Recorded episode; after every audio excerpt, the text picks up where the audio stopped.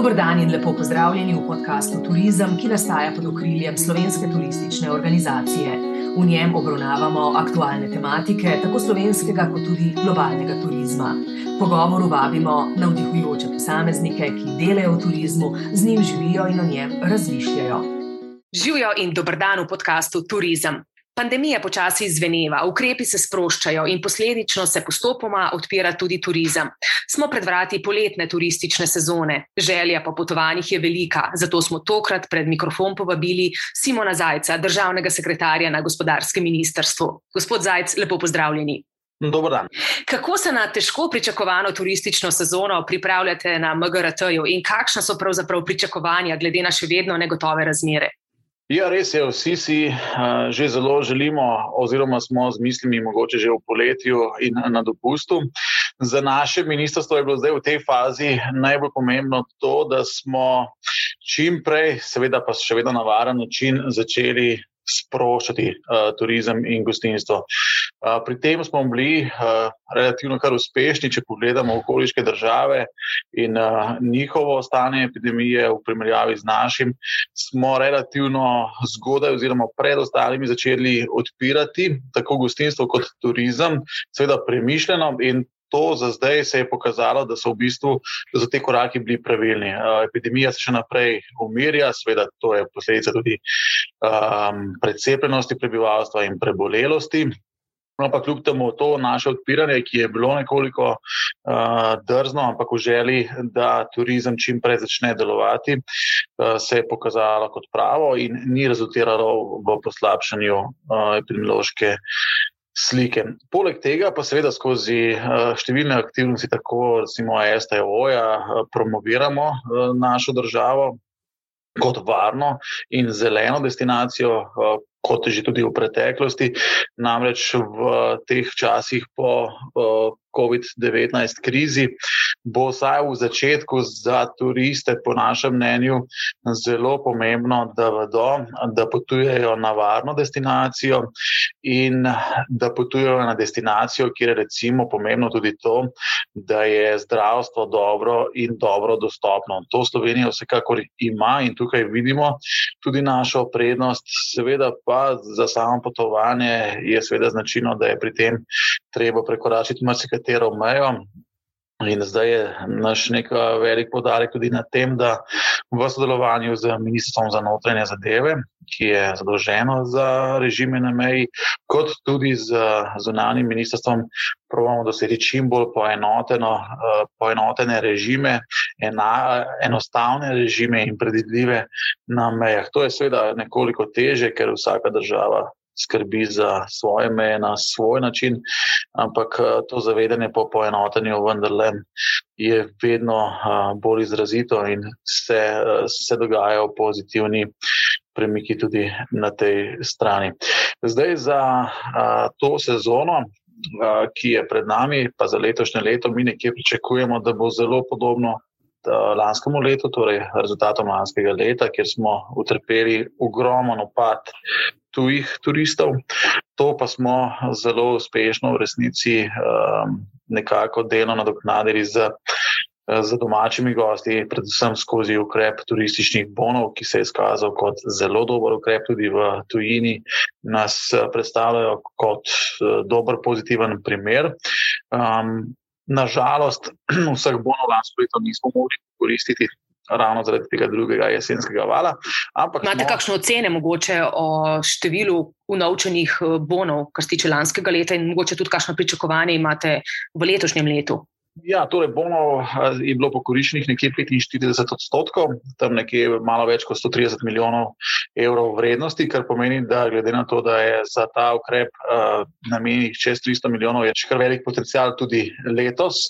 Mi, že ko smo pripravljali ta ukrep, smo sicer uh, naračunali, da bo. Da Po optimističnem scenariju bo ta ukrep koriščen nekje v 70 odstotkih.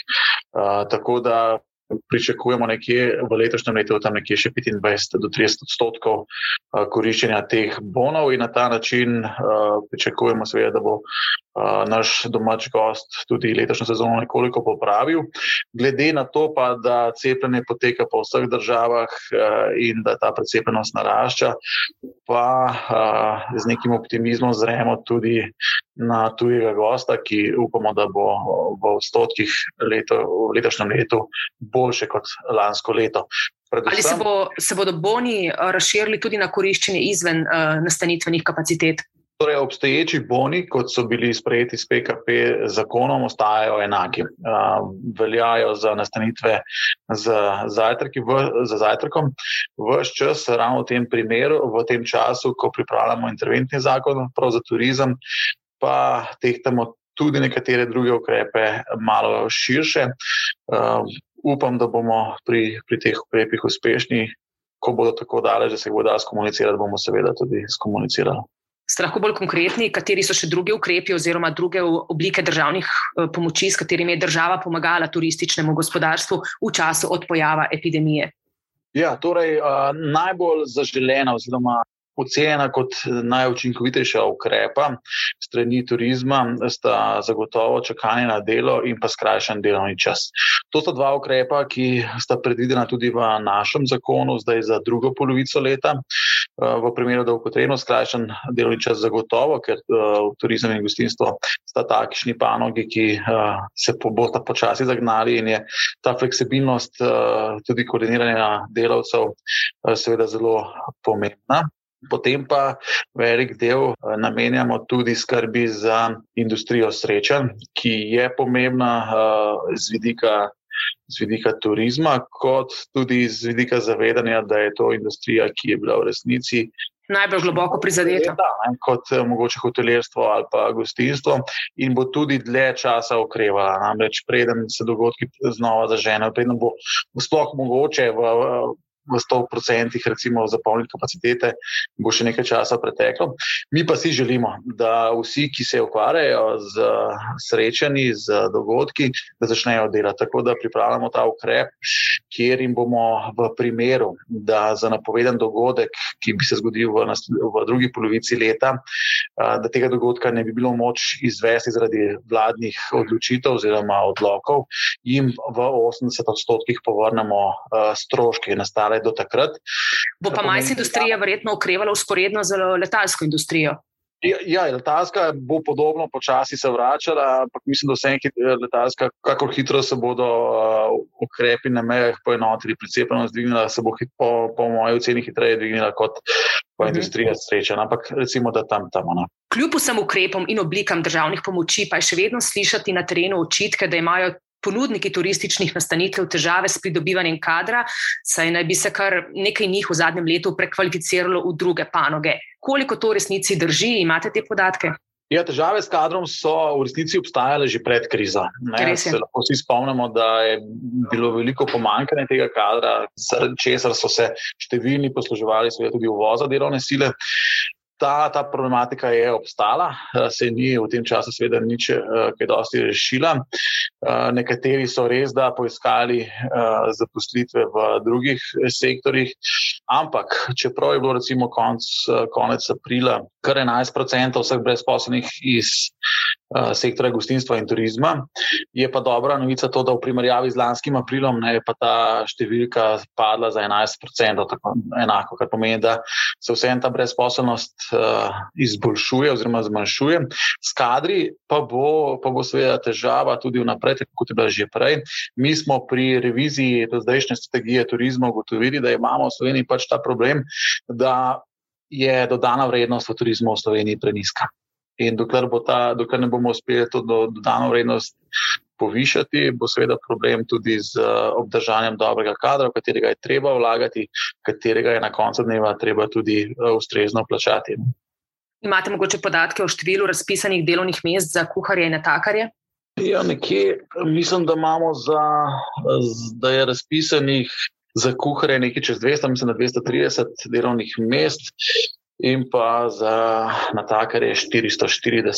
Tako da povpraševanje je in bolj, ko se bomo vračali na normalne obrate, večje popraševanje za ta kader, seveda bo. Slovenija je med državami članicami Evropske unije, ki so še posebej se zauzemale za čim prejšnjo uvedbo zelenega digitalnega potrdila. Kakšno stališče imate na MGRT-ju o sprejetju tega potrdila in kakšne so njegove prednosti? Za Slovenijo, ki je odvisna od uh, tujih gostov, namreč čez 70 odstotkov tako prihodov kot uh, nočitev ustvarijo tuji gosti, je seveda vsak ukrep, ki omogoči hitrejše, bolj predvidljivo prehajanje meja, dobrodošel.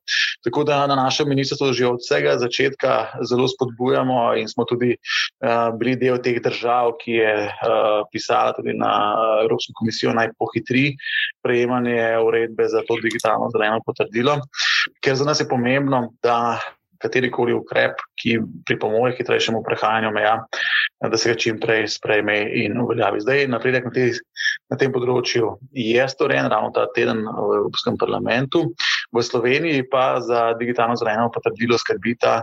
Oziroma, je to projekt, ki ga vodi NIJZ in Ministrstvo za zdravje, podporo pa ima nudi Ministrstvo za javno upravo. Mi, kot ministrstvo zadolženo za turizem, pa seveda smo tisti, ki imamo zelo velik interes, da se takšno, takšno digitalno potrdilo čim prej sprejme. Glede na gospodarsko pomembnost turizma za našo državo, kje vidite prednosti in priložnosti za v prihodnje, kar se tiče te izjemno pomembne gospodarske panoge, ki je praktično blagovna znamka naše države? Ja, nedvomno bo COVID kriza pustila nekatere posledice, vsaj v začetnih letih, na navade uh, vseh turistov, vseh tistih, ki želijo potovati.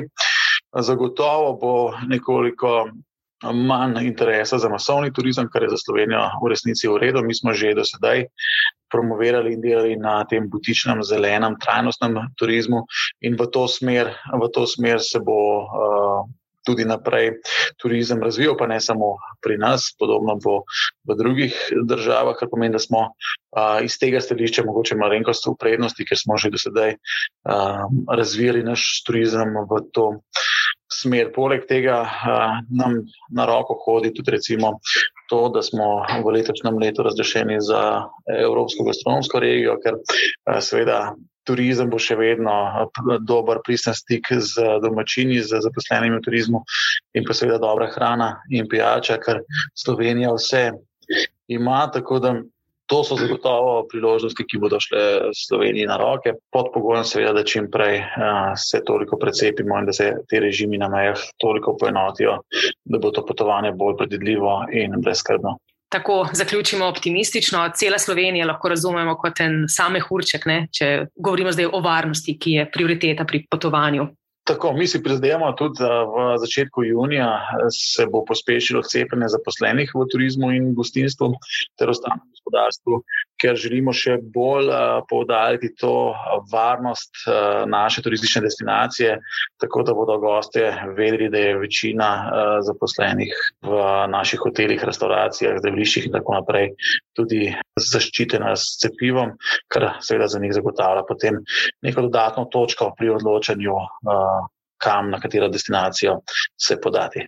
Ja, če ni to ključno pri od, njihovi odločitvi, celo. Gospod Zajc, hvala lepa za ta pogovor. Tu je bil podcast Turizem, ki je namenjen vsem, ki turizem delate, živite in ustvarjate. Tokrat smo imeli v fokusu državnega sekretarja iz Ministrstva za gospodarski razvoj in tehnologijo, gospoda Simona Zajca. Vabimo vas k deljenju epizode in poslušanju podcasta tudi prihodnji teden. Srečno!